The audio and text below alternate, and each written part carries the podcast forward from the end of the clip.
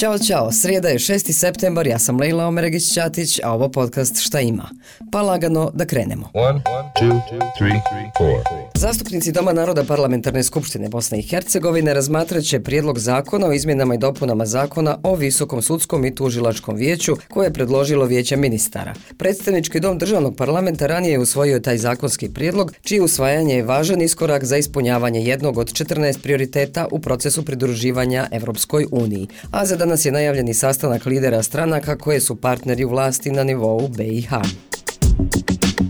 Nadalje ćemo malo o teatru. Naime, Sarajevskom premijerom dramske predstave Marlen Dietrich pet tačaka optužnice o imaginarnom suđenju Marleni, autora i režisera Harisa Pašovića, večeras će biti otvorena nova umjetnička sezona Narodnog pozorišta Sarajevo. Mirjana Kranović je u naslovnoj ulozi, dok ostatak glumačke ekipe čine Mona Muratović, Elmir Krivalić i Enes Salković. Direktor Narodnog pozorišta Sarajevo Dina Mustafić kaže da se radi o predstavi kojoj se gledalac iznova vraća, o tome razmišlja i svata zašto su neke osobe u istoriji umjetnosti neponovljive. Zašto? Zato što kada god imamo neka teška vremena ili teške godine ili epohe koje su krizne, kao što mi se čini da je to ova treća dekada 21. stoljeća, ne slučajno svima nama kojima je stalo do civilizacije, do intelektualnog života, vraćamo se u neke godine koje možemo komparirati. Tako se i autore predstave vraćaju u te turbulentne godine 20. vijeka, kada pojedinci se suprostavljaju režimima, autokratijama,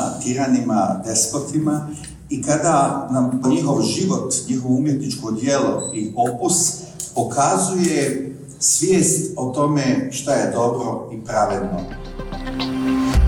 A danas počinje jedan poseban festival. To je Juventa Fest, internacionalni festival srednjoškolskog teatarskog stvaralaštva i to već 11. Iz godine u godinu zainteresovanost je sve veća, a ove godine je fest po broju pristiglih prijava srednjoškolskih teatara iz regiona i Evrope doživio svoj maksimum, kaže glumica i direktorica Juventa Festa Jasna Diklić. Očito da iz godine u godinu raste taj naš festival kojeg ja često nazivam pokretom mladih ljudi koji dolaze sa svojom kreativnošću, sa svojom potrebom da upoznaju druge i drugačije i da ruše predrasude. To je neka naša misija i vizija a jedinstvene i po tome što je on jedini srednjoškolski festival sigurno u regionu, a mislim i šire, i što su svi učesnici tih pet dana festivala svi ovdje zajedno u Sarajevu. Oni pohađaju četiri radionice i svako iz grupa se podijeli u te četiri radionice, tako da je to jedna komunikacija na kojoj mi insistiramo da to tako ostane i opstane i da ti mladi ljudi u nekoj kompeticiji vide koliko su njihovi potencijali veliki i koliko su oni otvorili svoje potencijale kreativne, duhovne, intelektualne, a mogu reći i društvene. Lana Pudar je juče osvojila zlatnu medalju u disciplini 200 metara Delfi na svjetskom juniorskom prvenstvu u Izraelu i česti tamo joj. No, još nema gdje da trenira u Mostaru, iako je priča o izgradnji bazena krenula prije godinu dana. Ipak, nešto se kreće. Nakon provedenog otvorenog postupka za javnu nabavku radova, za danas je najavljeno potpisivanje ugovora o nabavci radova, izgradnja konstrukcije, krova i fasade olimpijskog bazena Mostar.